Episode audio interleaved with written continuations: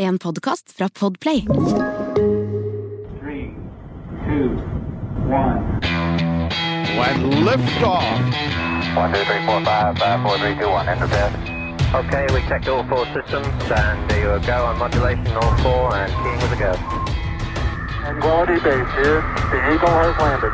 Vi er ikke mer eh, høytidelig enn at eh, vi den ene uka kan snakke om eh, banebrytende forskning.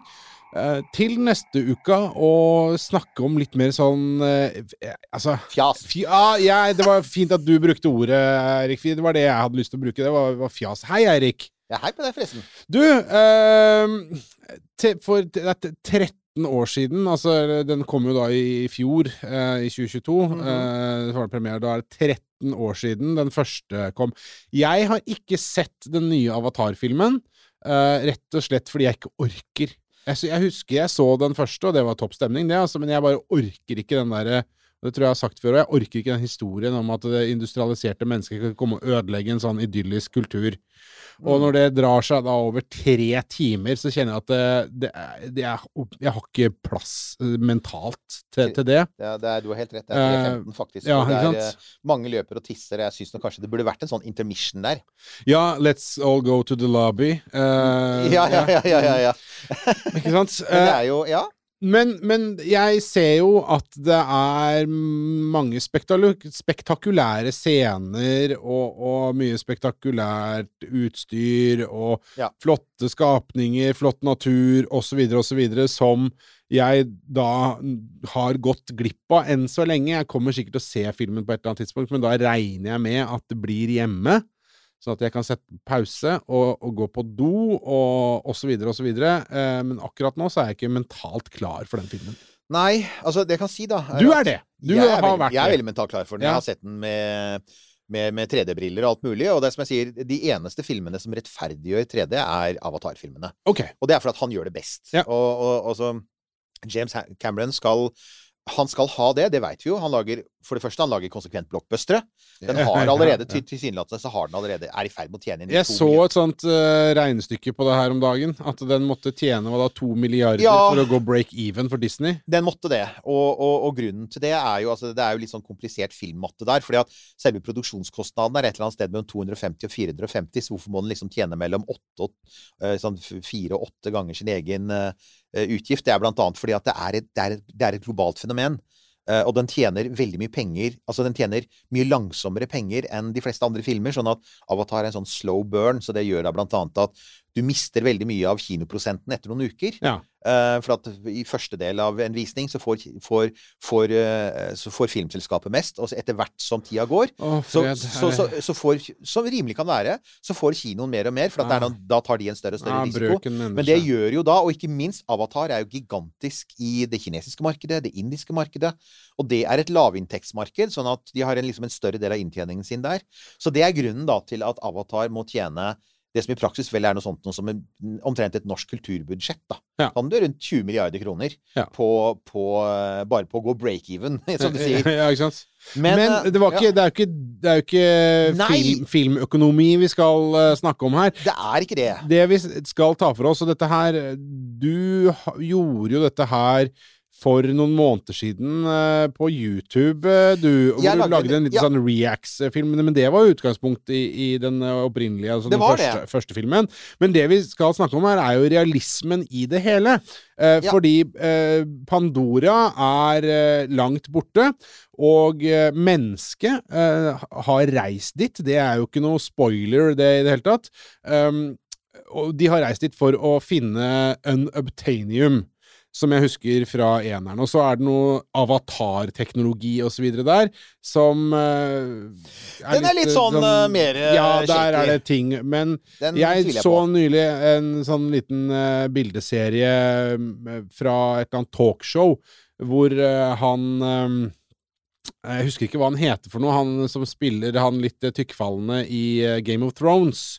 Han som blir sånn Meister. eh, Ja, ja. Sam, tror jeg han heter i, i, i Avatar Nei, unnskyld, i eh, Game of Thrones. Hvor han ble spurt eh, av noen eh, fans av serien på et tidspunkt. eh, de to skjønte ikke helt dette her at eh, hvorfor er du fortsatt tjukk? For du er jo der ute i villmarka og spiser jo ingenting, og har det, hvorfor er du fortsatt tjukk?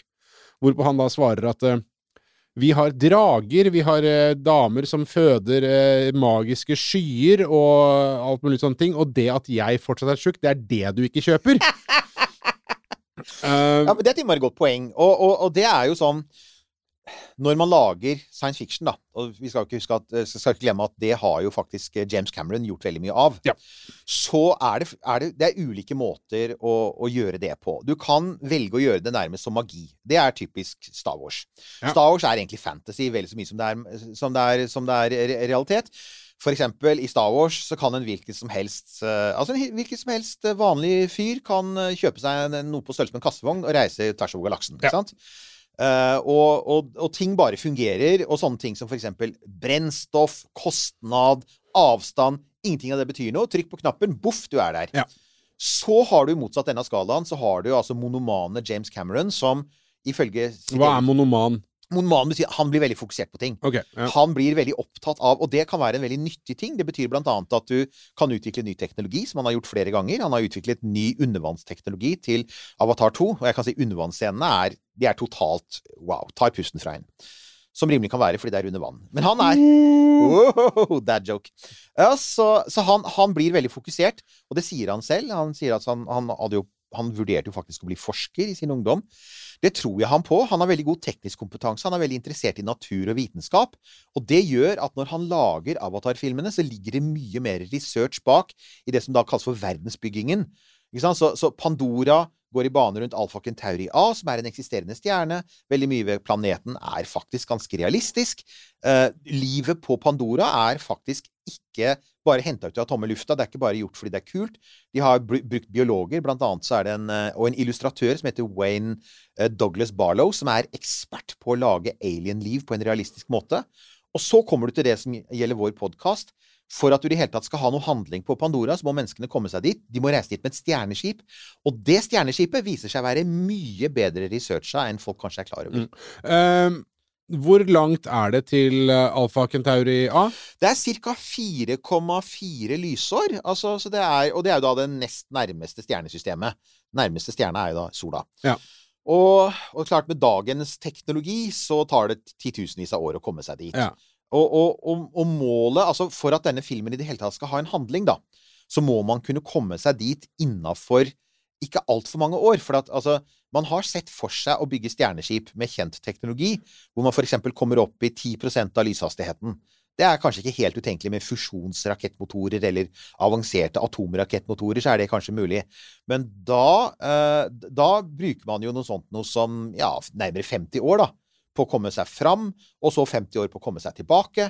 Hvilket vil si at de du som, som har med prosjektet å gjøre på jorda, da er døde. sant? Ja, for da, da begynner vi å snakke Altså hvis man da skulle innafor, hva skal man si, rimelige fysiske Altså teknologiske rammer, så ville da reisen til Alfa Centauri eh, innenfor en brøkdel av lysets hastighet være et sånt generasjonsprosjekt. At du må det. dra opp med familien din Ja. og forvente og vite at på veien så kommer du til å daue, men barna dine kan lande. Og så kan kanskje barnebarna dine eller oldebarna dine returnere til jorda. Ikke sant? Og det er litt der, og nå, nå, han løser jo, nå løser man jo det delvis i filmen ved å la storparten av mannskapet sove i såkalt cryosleep. Ja, Altså de, du, det fikk jeg et spørsmål om her. Ja. Nå er jo ikke du lege, men er det Hvor realistisk er en sånn uh, et sånt, en sånn kontrapsjon? skal, vi, skal vi bare notere oss det bak øret og se om vi kan få inn en ekspert på søvn eller dvale? Ja, eller ja, det må for, jeg, for det er så mye brukt i science fiction, Ja. og ikke minst i romfilmer. Veldig poppis. Så jeg tror vi skal forsøke å få tak i noen Så vidt jeg veit, jeg har sett, da Jeg forsøkte, jeg gjør jo research på det. Uh, der vi er nå, så er det veldig langt unna. Og det fins jo dem som mener at det er antagelig er fysisk umulig. Det mest interessante er jo ikke om du Altså, en ting er å holde folk i dvale eller i koma i, i så mange år. Uh, en ting som man vet, er at de, de gjør én ting riktig i, um, i uh, Avatar, og det er at når de ligger i dvale i Altså for eksempel Jake Sully, hovedpersonen. Ja. Når han ligger i dvale i det som da faktisk er sju år for, på jordtid, men eh, seks år på skipstid, fordi de flyr med 70% av lysets hastighet, så er han i vektløshet, og det er bra, fordi at du ser ofte at folk, f.eks. i filmen 'Passenger', så ligger folk på en seng. Ja, du får liggesår Du får og sånn. liggesår. Ja. Det er, så så det, er- det, er sånne, det er sånne, basic stuff som du ikke tenker på engang. Ja. Du kan faktisk ikke ha en kropp som ligger i én gravitasjon, i samme stilling, urørlig i år etter år etter år, Nei. uten at den kroppen faktisk begynner å råtne. Så det at de ligger i vektløshet, som de gjør i Avatar, er en sånn typisk Det er sånn James Cameron, nerdete Det er en det detalj. det En liten detalj, altså igjen dette her detaljfokuset, laserfokuset. Eh, og og, og det, er, det er noe av det man, man liker ved det. Han har tenkt på, han har tenkt på disse små detaljene. Ja. Én ting jeg føler at vi kanskje eh, skylder å på en måte gjøre klart nå før vi går videre her. Ja. Er det spoilers her? Ja, det er lurt. Det er altså Ja, mot slutten kommer det noen spoilers. Det er morsomme spoilers, det, dere, men, men det er spoilers. Ok, da er det sagt at det er, som NRK ville kalt det, røpealarm. Det er røpealarm. Altså, det er altså det dummeste ordet jeg har hørt på. Røpa... eh, Ja, men eh, vi skal ikke her for å snakke Men- om det. vi skal snakke om romskip. Jo, romskip. Og poenget er at i åpningen på Avatar film nummer én, og også i åpningen på Avatar film nummer to, så, så, ser du dette, så ser du faktisk stjerneskipene. Og stjerneskipet i film nummer én, og jeg er ikke sikker på film nummer to, men stjerneskipet i film nummer én har faktisk et navn i, i denne verdensbyggingen. Om ikke det sies direkte i filmen, så er det i bakgrunnsmaterialet, som annet er publisert i en bok som James Cameron skrev. Og det heter da ISV, Interstellar Vehicle, uh, Venture Star. Ja. Og Venture Star var faktisk et romprosjekt tilbake i forrige århundre. Litt sånn kult romprosjekt. Så det er antagelig en henvisning til det. Igjen, han er nerd. Og, og Venture Star er da Det ser man når det ankommer til Pandora. Det er et veldig stort romskip. Det er nesten to kilometer langt. Uh, det er ikke det er ikke stort for bare å være stort og kult. For det, er- altså, romskipene i Star Trek, i Star, eh, unnskyld, Star Wars, de er store fordi at disse massive romkrysserne er kule å se på. Men du skjønner ikke egentlig hvorfor de behøver å være så store, men de er store for å være store. Dette skipet her er først og fremst langt og tynt fordi du vil ha stor Du vil ha stor, stor avstand mellom eh, mannskapsdelen, hvor folk ligger i cryosleep, og du har et sånt lite vaktmestermannskap som går på skift, eh, og som så, og motordelen. Ja. Og det er fordi at motordelen er ekstremt kraftig og ekstremt strålende. Og, og avstand til noe som stråler, er faktisk gir mye bedre beskyttelse. Det er jo en et stjerneskipdesign som er kjent, med er sånn kjent. lang sånn umbilical Ja. cord, eller en eller annen form for Ja. sånn uh, tynn svalgang, holdt jeg på å si, uh, Ikke sant? mellom motordelen og En av de første som tenkte på det, var jo han som eh, designet uh, romskipet eh, til, eh, til eh, 2001 en romodyssé. Ja. For der har du det samme. Du har en, Ja. du har en kuleformet mannskapsseksjon, og så har du noen atomraketter i motsatt ende. Ja. Uh, og egentlig så skulle jo romskipet Så romskipet i 2001 er, er faktisk en ganske realistisk romskipsdesign. Um, designet av en fyr som het Douglas Trumbull, som var en sånn legendarisk spesialeffektfyr i, uh, i Hollywood. Holdt på i mange, mange år. Og han hadde egentlig lyst til å ha kjølevinger, fordi at disse motorene blir veldig varme. Og, og i rommet så er det jo vakuum rundt, sånn at det er altså du, Det fins ikke noen rask måte å nedkjøle ting på, det er bare stråling som gjelder. Så store og kompliserte ting med mye tech, de trenger kjølevinger. Og han ville ha på det, men der sa, der sa Kubrick nei, for han mente folk ville misforstå det og trodde det var solcellepaneler eller noe sånt noe. Hadde det gjort en, det hadde gjort Altså, noen ting, men- men ok. Ja, okay, Men jeg syns jo det er morsomt at de hadde diskusjonen. Ja. For igjen, eh, Douglas Trumbull, i likhet med James Cameron og altså Stanley Kubrick, regissøren av 2001, alle sammen sånn derre laserfokus. Altså, de, de, de ble veldig opptatt av en ting, og var veldig opptatt av teknologi. Men, Men her er det kjølevinger, og det er det morsomme. Noe av det første du ser når dette stjerneskipet ankommer Pandora, er et par gigantiske, glødende kjølevinger. ja, og det er for at de forsøker å pumpe ut varmen av, som er utviklet av disse rakettmotorene, som har bremset romskipet ned i fem samfulle måneder. Ja. Og de har da hatt uh, tre mil lange rakettflammer som har strålt ut fra rakettmotorene, og du vil faktisk se på romskipet at rakettmotorene peker ikke rett bakover, men litt ut i siden, og det er for å unngå at rakettflammene kommer i nærheten av der hvor menneskene bor. Så i det hele, her har man, her har man altså tenkt på, på både det ene og det andre. 1202. Sånne ting jeg syns er veldig gøy å høre om. Det er det. Men tror du at filmen hadde blitt døvere uten det, hvis man hadde bare henta ting ut av det blå? Jeg tror Altså, jeg, jeg tror ikke egentlig det, men Er det, er det Nei, vet- vet- Tjener filmen på det, eller tjener myten rundt på det? Jeg tror faktisk at filmen er litt avhengig av det. Og grunnen til det, som vi kommer til etter hvert, det er jo at um, Det er ikke sånn. Altså, hvis, hvis, hvis, du hadde hatt sånn Star Wars-greia, ikke sant? eller for så vidt nesten alle andre science fiction-filmer som handler om å reise til stjernene, hvor du bare stepper inn i et romskip og stepper rett ut igjen. Her er noe av poenget at det tar lang tid. Her er noe av poenget at det er vanskelig å komme seg tilbake til jorda. Eh, Når du først har landet på Pandora, så er det jo sånn at for at, for at, du, du, altså, for at, for at du skal kunne finansiere noe så stort og dyrt som et stjerneskip For man har jo regna på dette og kommet til at å bygge et stjerneskip i dag med kjent teknologi ville koste omtrent det samme som hele jordas samlede output, altså jordas globale årsbudsjett. okay. Det er det vi snakker om. Ja, Vi snakker om ja. tusener på tusener på tusener av, av billioner av Ja, dollar, ikke sant? Uh, og, og for å kunne finansiere det, så må absolutt alt av verdi du henter på Pandora, må sendes tilbake til jorda igjen. Du må ha raske skip, for ellers, er ikke, ellers kan du ikke ha handel. Hvis det tar 100 år å få produkter du har kjøpt, så har du ikke tenkt å kjøpe det. Du kjøper ikke et produkt som tippoldebarna dine får se. Det er helt logisk. Så det må fly raskt, og det må ta med seg noe som er ekstremt verdifullt, og det betyr at det kommer til å ta med seg svært få mennesker tilbake. Så det at Jake Sully blir tilbudt en tur tilbake på romskipet for å få fiksa beina sine, er en enorm gave, for nesten ingen av de som er på den planeten, kommer noensinne til å reise tilbake. Det var en spoiler.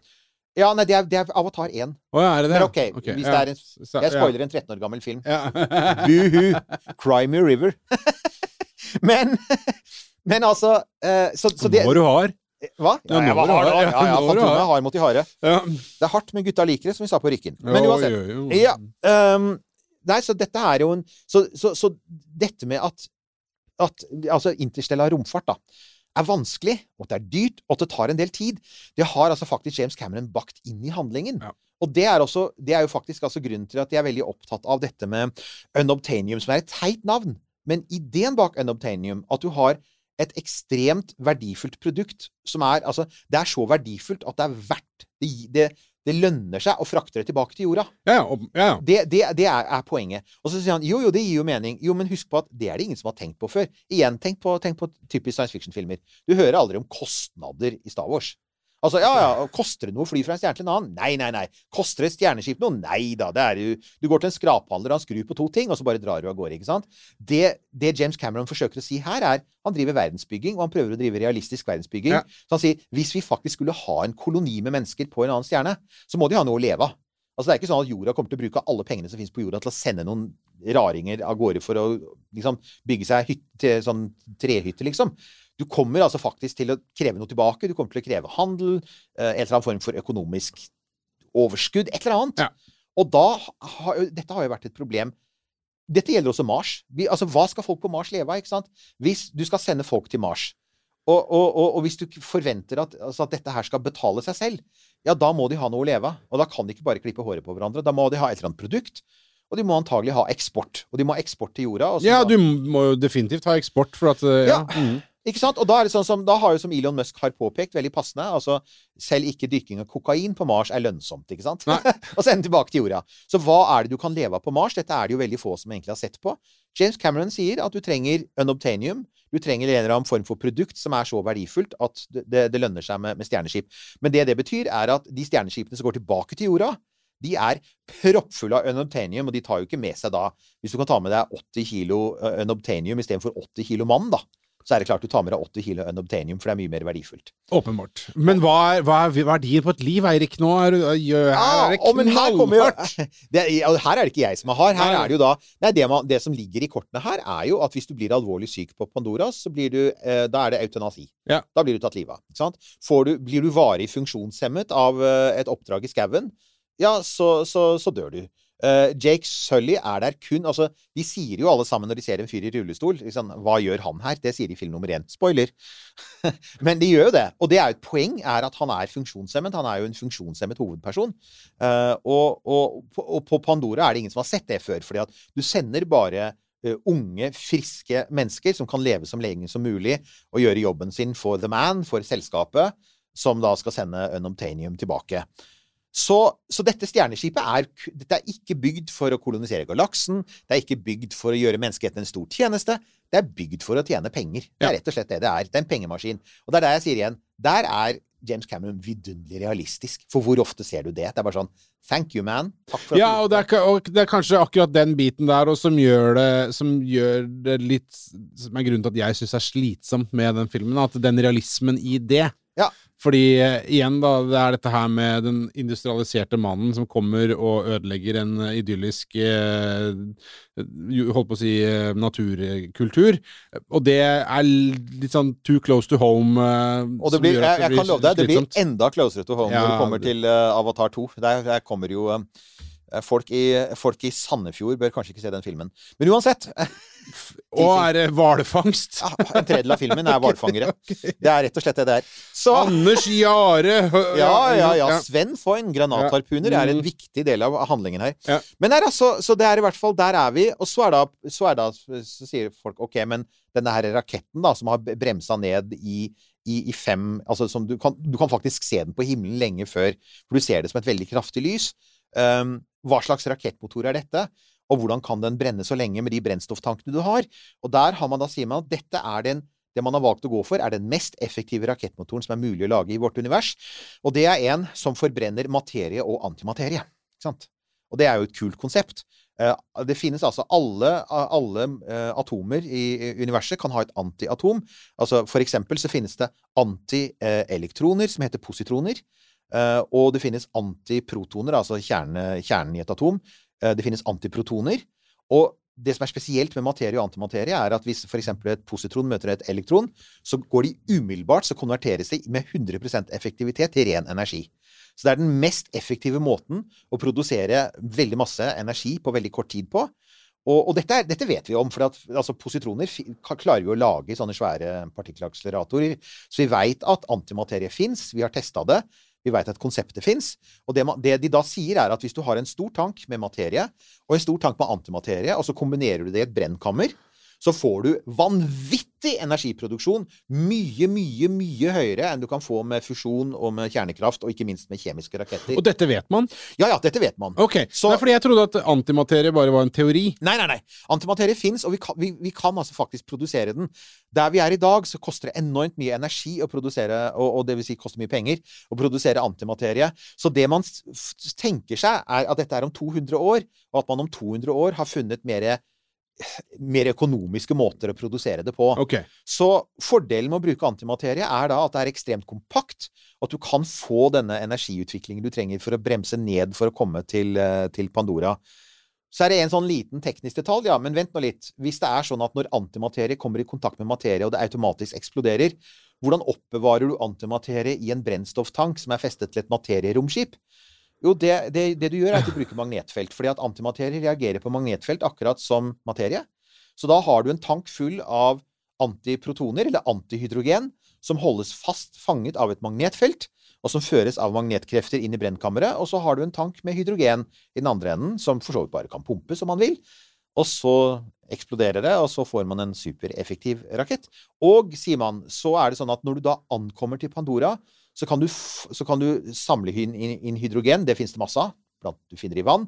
Så det er lett å lage hydrogen, så da lager du brennstoffet til, til tilbaketuren. Sånn som man også har tenkt seg på Mars. Du produserer brennstoffet til hjemturen på stedet der du kommer fram. Igjen, det er logisk. For å ta med seg brennstoffet til tilbaketuren, det er veldig uøkonomisk. Ja. Så du må da også, et eller annet sted på Pandora står det også en antimateriemaskin. Det gjør det jo da. Det, det, det viser man ikke, men den må også produsere antimaterie. For det, det fins ikke store klumper av antimaterie der ute som vi veit om, i hvert fall. Da ville vi sett det, for hver gang de kom i kontakt med noe, så ville de sagt flash! Eksplodert. Ja, ok. Så, Så, men, så antimaterie er noe man må lage i kontrollerte former? Ja, det må Ja. man. Man må lage det i konsentrerte former og fylle det på brennstofftanken. Og så, når man da har fylt opp brennstofftanken, så drar romskipet tilbake til jorda. Og når du da har kommet opp i 70% av lyshastigheten, så har du tømt tanken. Og så er jo da det store spørsmålet Men vent nå litt. Hvordan bremser du opp ved jorda? Og her kommer du til den andre halvdelen av uh, dette ISV Venture Star-konseptet, som igjen er fullstendig realistisk. Det er noe man har snakket om.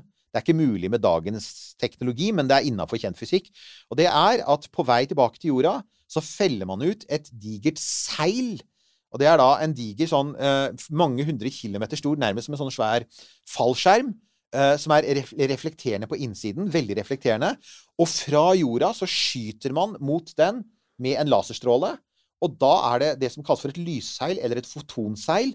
Det vil si at man da gønner på med massiv laserkraft fra jorda, som den, og den strålen vil jo da faktisk Altså lyspartiklene i laserstrålen vil jo da trykke på seilet, pushe på seilet, og bremse det opp. Ah. Og det er også det samme seilet man bruker på vei ut fra jorda. Så på vei bort fra jorda og på vei tilbake til jorda, så bruker man laser, sånne svære banker, sånne svære uh, i, I bane, selvfølgelig, oppe i rommet. Kjempesvære lasere som har veldig store solcellepaneler rundt seg, som skyter mot seilet, og som først får den til å fly av gårde mot Pandora.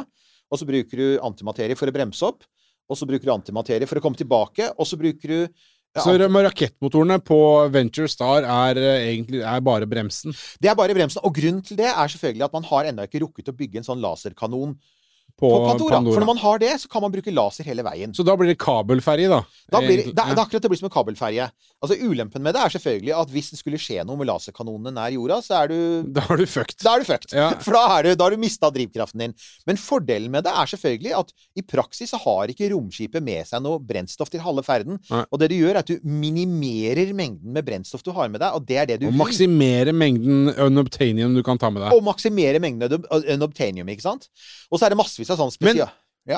Dette med altså, laserframdrift eh, har man jo lekt med. Ja, ja! Det, og igjen, Og det fungerer, det. Det Man har jo vist det i, i småskala at det Ja. fungerer.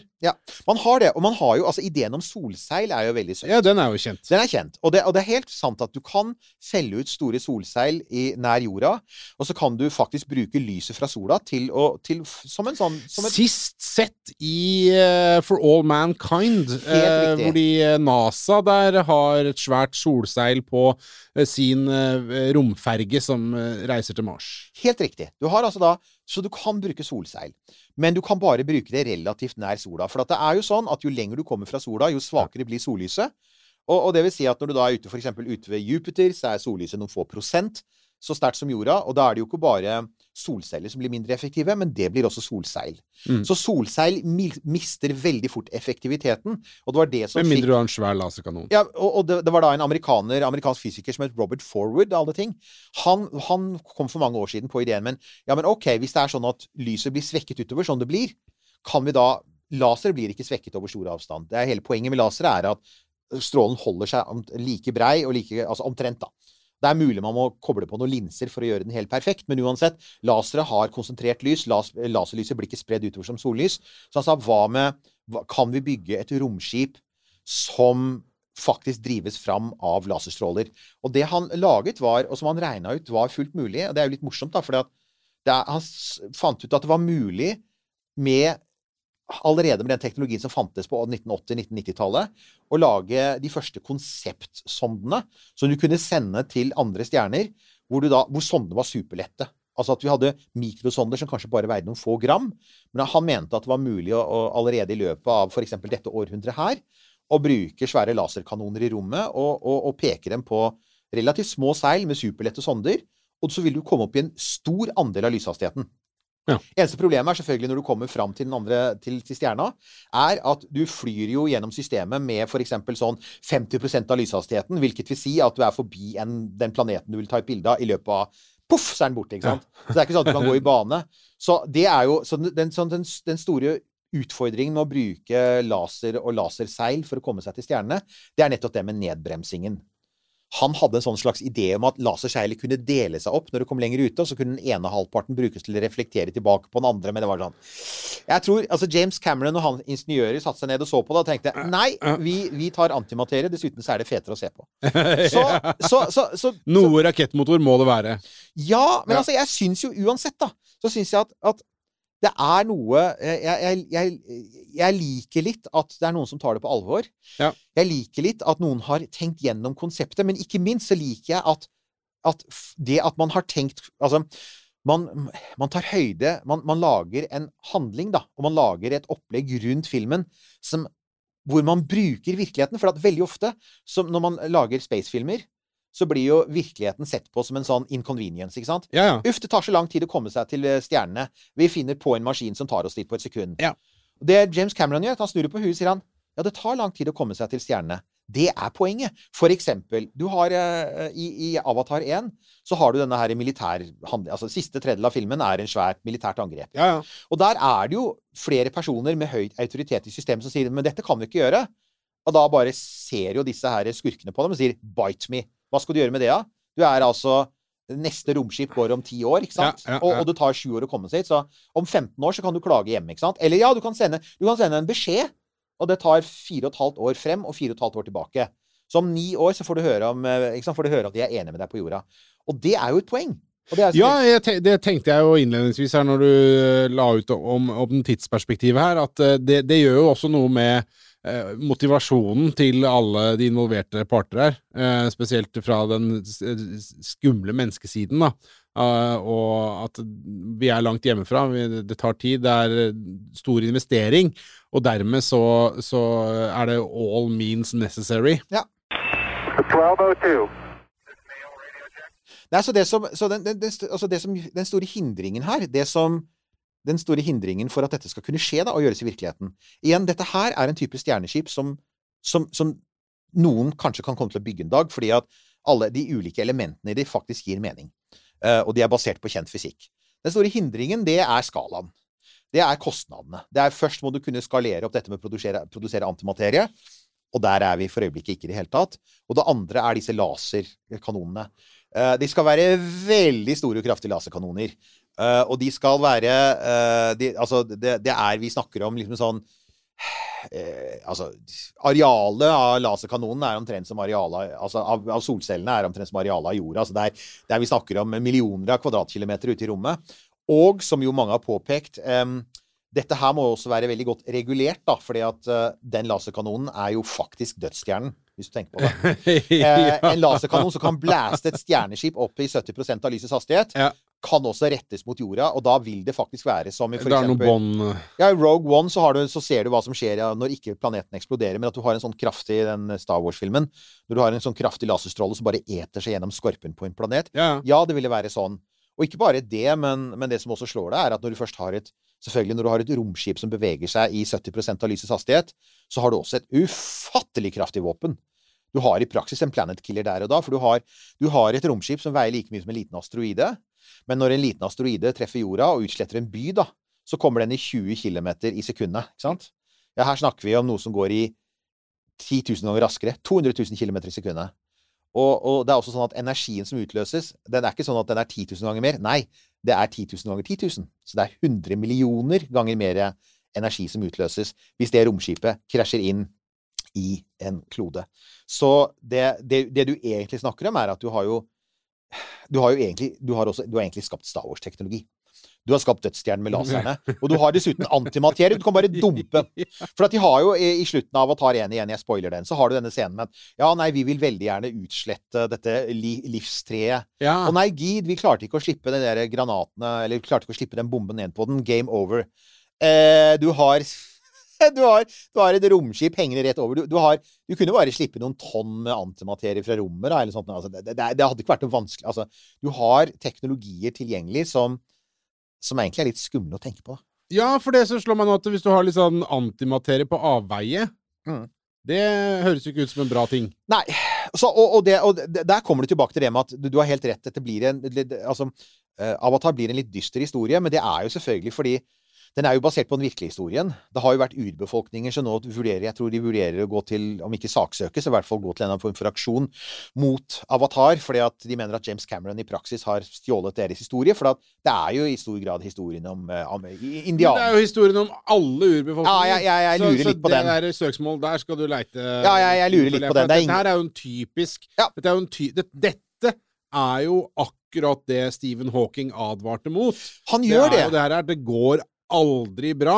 Nei, det har historisk sett aldri gått bra når en mer teknologisk avansert eh, sivilisasjon møter en eh, primitiv sivilisasjon. Ja, så går det til helvete med den primitive. Ikke sant? Men, det, men det, det filmen er en påminnelse om, er jo at det, det handler jo ikke bare For at det vi ofte har tenkt sånn type Når vi har sett sånn alien invasion-filmer, da. Der ja, de er slemme, ikke sant? De er onde, de er krigerske. Ja. Det, det James Cameron sier, og det er jo det vi vet fra historien, er at ofte så er jo drivkraften bare noe så enkelt som grådighet.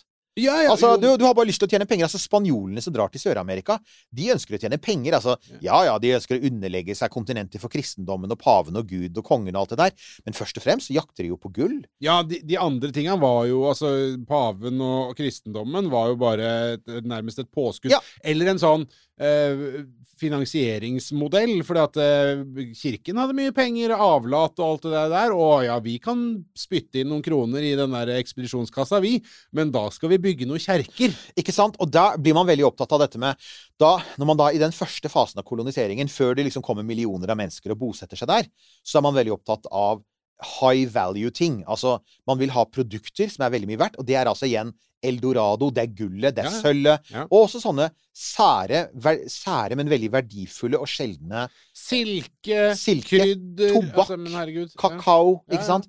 Det, det blir også en sånn ting man tar med seg tilbake, for man ser at man kan selge til- det, det til høy profitt. Og der, igjen må jeg bare si at det skal den filmen ha. Det liksom, den foregår på flere nivåer. Og man skjønner ikke før man faktisk leser hva regissøren selv har skrevet i sine egne bøker om det. Det er helt bevisst. Så det han skriver om, er på mange måter koloniseringen av Sør-Amerika, med gullet som et sånn hovedmoment, og, og, og jakten på det. Og der er Unobtainium. Og i film nummer to, her kommer det spoilervarsel. I, i, i, i, um, i, I film nummer to så er det altså faktisk um, Ambra. Og der er det altså nok en gang et veldig verdifullt stoff. Amrita har du skrevet her. ja, det er Amrita kalles det. Ja. det. Det heter Amrita i Avatar 2. Oh, ja. Det er egentlig Ambra. Og, og igjen, hvis det er noen sandefjordinger som hører på, så veit de sikkert hva det er, men det er altså dette stoffet som var i tarmen til spermasetthvalen. Det er et litt sånn der, Det er et litt sånn voksaktig stoff som du faktisk Opprinnelig så begynte man å finne det på strender i Europa. Ja, fra døde Det er det som man bruker i mye sånn kosmetikk og sånne ting, er det ikke det? Veldig Sjampo og Ja. hudkremer og greier, er det ikke det? Og det foregikk en periode jakt på spermasetthval som involverte at man først og fremst tok, tok ambraen og dumpet mye av resten av hvalen, for den hadde ikke så stor kommersiell interesse. Det var et høyverdiprodukt som var ganske Altså, det var, altså per gram så var det verdifullt. Og, og det, var, det var en del av motivasjonen. Det var jo ikke bare, kjøtt, eh, bare kjøttjakt, men det var altså faktisk ambrajakt. Og der er eh, det, det må jeg si. altså Denne Avatar 2 er jo en sånn tredelt film. Den første handler litt om at eh, menneskene kommer tilbake. Så The Sky People kommer tilbake. Men det går over ganske fort. Det andre er litt sånn tenåringsdrama. Og det tredje, det er en sånn svær kampsekvens mellom, i praksis, hvalfangere. De er faktisk ikke nordmenn! De er newzealendere eller noe sånt. Nå. Jeg tenkte wow, nå var du, det, du jeg, hadde for, jeg hadde nesten forventet at de skulle snakke med litt sånn I'm, uh, I'm, I'm Olaf. Olav! I'm Olaf! And, and here's my uh, exploding harpoon. Ikke sant? Og de har jo da i, Virkelig, de ser ut som tradisjonelle hvalfangstbåter. Og, og i, altså man har jo vurdert Man lurer jo på hvor intelligente hvalene på jordet er. Eh, på, på Pandora er de veldig De har Hvalfangerne står og snakker om og sier sånne ting som Ja, nei, de har jo filosofi og matte og komponerer sanger, men vi driver og skyter dem fordi at vi skal ha Amrita, som er, er sånn voksaktig stoff i hjernen deres. Du får, du får ca. en sånn melkeflaske med Amrita når du skyter et dyr på 200 tonn. Men we don't care. Og så, og liksom sånn, men hva gjør dere med resten av kjøttet? Nei, men det er jo uspiselig, for det er jo så mye panser på det. så det er jo Der kommer da eh, ikke bare eh, miljøverneren, for det er han jo, og hvalfangstmotstanderen. Selvfølgelig er han det. Han er Selvfølgelig er han det. Han er veganer, så eh, hei på deg, eh, James. Det er jo jeg også, og der er vi jo enige. Men det er ganske slående, da. Det er en film som bruker masse tid på å sørge over en død hval, og som ikke ofrer noe, ikke en tåre, på liksom sånn 500 nedslakta mennesker. Så det er, sånn, det er en film som sier du skal felle en tåre over aliens og døde dyr. Men uh, alle disse her menneskene som kommer hit, de, de dør på ofte ganske brutale måter. Det er det andre filmer som tar seg Det er det andre filmer som tar seg Jeg, kan jo, jeg, jeg ser jo poenget litt, jeg, da. Jeg ser jo poenget. Så tenker jeg, det er jo litt fascinerende å sitte i en kinosal i Norge og se et så tydelig anti-hvalfangstbudskap. Uh, og Lenge siden det har vært noe særlig sånn hvalfangst... det har det! Så tydelig anti-hvalfangstbudskap, og det norske publikummet jubler så popkornet spruter ut av kjeften på dem. Så jeg tenker liksom Fikk dere egentlig med dere Fikk dere egentlig Jo, bedre? Jo, men det er woke, vet du. Og det er jo også hvalfangst og Ja, ja. Nei, men, altså, men igjen, altså, han har et veldig tydelig miljøbudskap, og det, det skal han ha. Uh, og, og, og, og i dag, så det kan man jo si også Vi merker oss altså, hallo. Uh, vi, er, vi er flinke til å snakke om bindersen, og vi er flinke til å snakke om ostehøvelen blant store norske innovasjoner. Det snakkes ikke veldig mye om Sven Foyn og granatharpunene. Altså, det gjør ikke det. Eh, og det er jo fordi at når norske markedsførere skal gå ut og fortelle om vår innovasjonsevne til kloden, så, så, så snakker man går litt stille i dørene med det som i dag ofte blir sett på som ren miljøkriminalitet, da. Det får man si. Jo da, men det blir litt sånn som Altså, det er ikke øverst på turist eh, den norske våpeneksporten heller, ikke sant? Så det er, Nei, nei, det er akkurat det, men det er litt der vi er. Og olja Ja. og, og miljønasjonen og fredsnasjonen Norge som er Så nei, skulle tuftet på, på granater og, og oljetønner. Nei, så hadde det for så vært morsomt å se det på en, en kino sånn i type eh, Sandefjord. Men altså, men altså vi, det, det, det er på en måte Så for, for å oppsummere eh, Veldig mye av det du ser i Avatar, har faktisk en logisk forklaring. Det var en sånn liten helt på slutten her. Du ser blant annet veldig svære anleggsmaskiner. Ja. Og, du- og, du ser, og det er sånn du tenker Ja, men hvordan i all verden kom de Altså, du ser dette langstrakte, tynne romskipet som egentlig bare har plass til menneskelige passasjerer, et par romferjer, et vaktmestermannskap og selvfølgelig litt sånn forskjellig småutstyr. Ja, det er rett og slett fordi Og det, det, det, står jo beskrevet i, i dette tilleggsmaterialet. Det er fordi at man på et, Noe av det første man landa der, var jo veldig store 3D-printere. Så det man gjør, er at man tar Ah. lokale ressurser til å 3D-printe av det man har tilgjengelig, som type metall og tre. Og, og hydrokarboner, plastikk. Det er helt sikkert ø, olje- og gassaktig stoff der, for det har vært liv der så lenge. Eh, det gjør man. Og så er det kun de tingene du ikke kan produsere med 3D-printere, sånn mikroprosessorer, altså små, lette ting. Avanserte medisiner, slike ting. Det sender man fra jorda, men 99,9% av det du ser i Avatar, av, av bygninger og maskiner, det er produsert i hva, hva heter det sånn Object Manufacturing System. eller De har til og med et eget navn på det. Det er litt kult. Men altså, igjen, da. Det er, det er Vi har allerede 3D-printa hus på jorda. Vi har store 3D-printmaskiner. Altså, vi har et rakettselskap, eh, Rocket Lab, som vi jo kjenner til. De 3D-printer rakettmotorer. Det er mange som har begynt å gjøre det. Så det er ikke noe i veien for å gjøre det. Det er bare at akkurat nå så er det ikke Altså, vi har ikke kommet så langt, og det er ikke lønnsomt å gjøre det. Men uh, det er en interessant tanke. Så her er det uh, her, her har man egentlig tenkt på det aller meste. Og det er sånn som Det er kanskje ikke sånn for alle andre, men for meg så er det sånn som faktisk gir filmen en litt ekstra dimensjon. For jeg, jeg må si at det er mange Altså, jeg skal ikke si at plottet i disse filmene er spesielt interessant. Det er et sånn klassisk sånn Det er jo helt standard. ja, det er ikke noe det, er, det er danser med ulver i rommet. Ok, ja. ikke sant? Fair enough.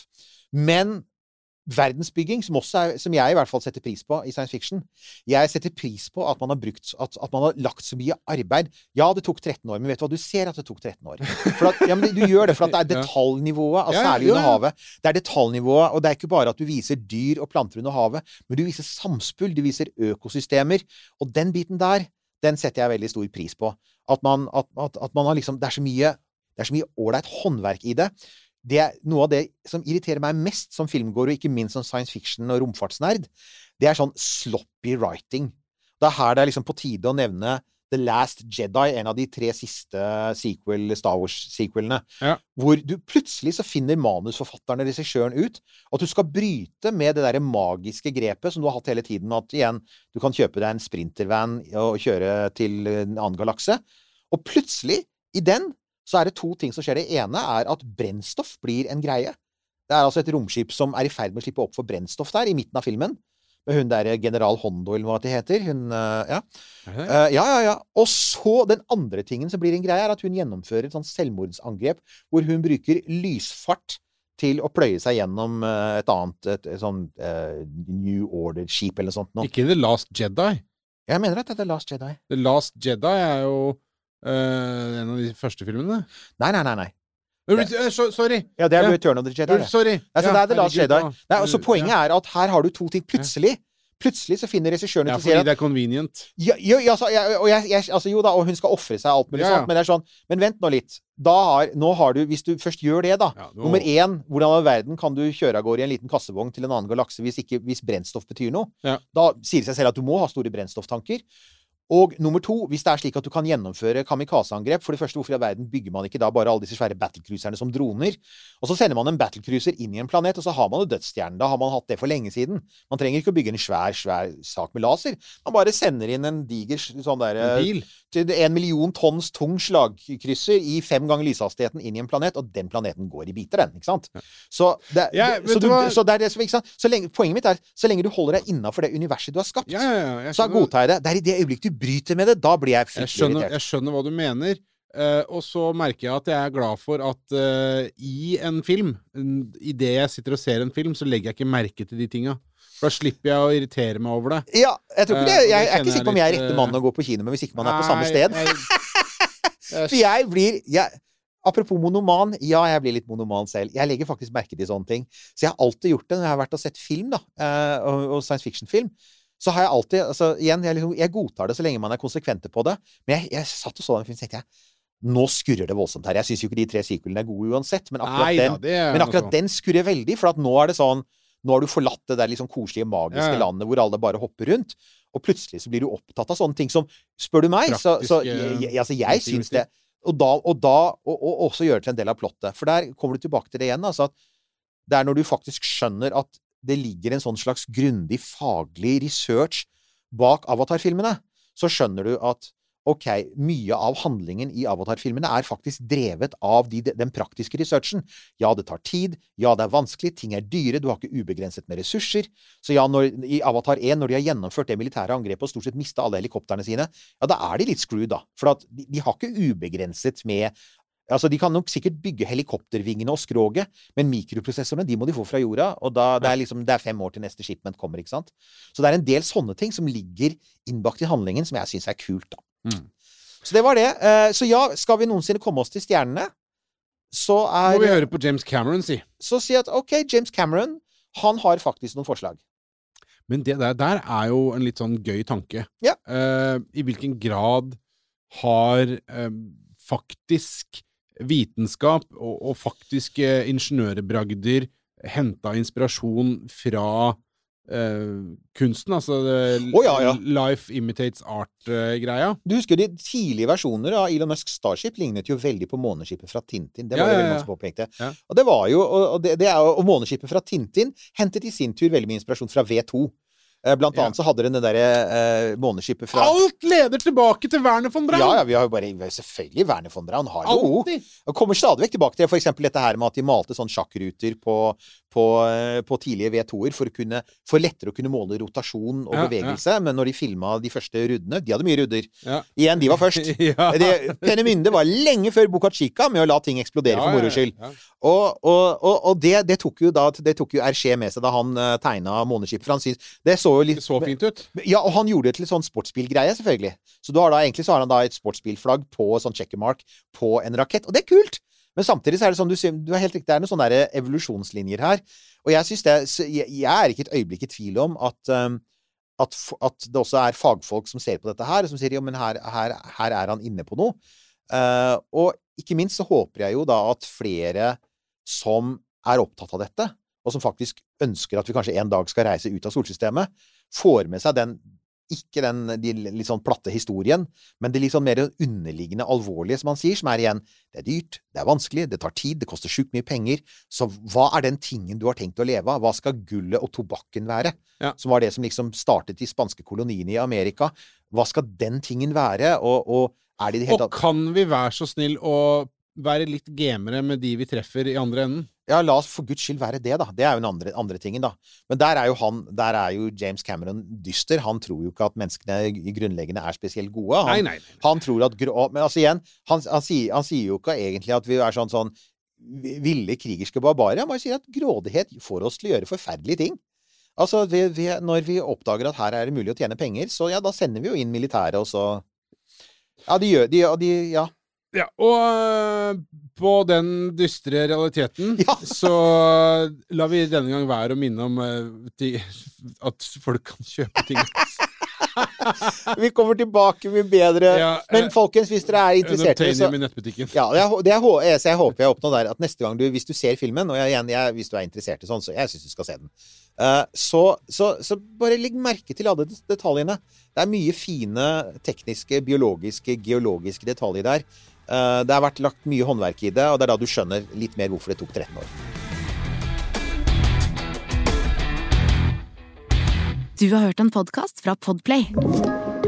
En enklere måte å høre podkast på. Last ned appen Podplay, eller se podplay.no.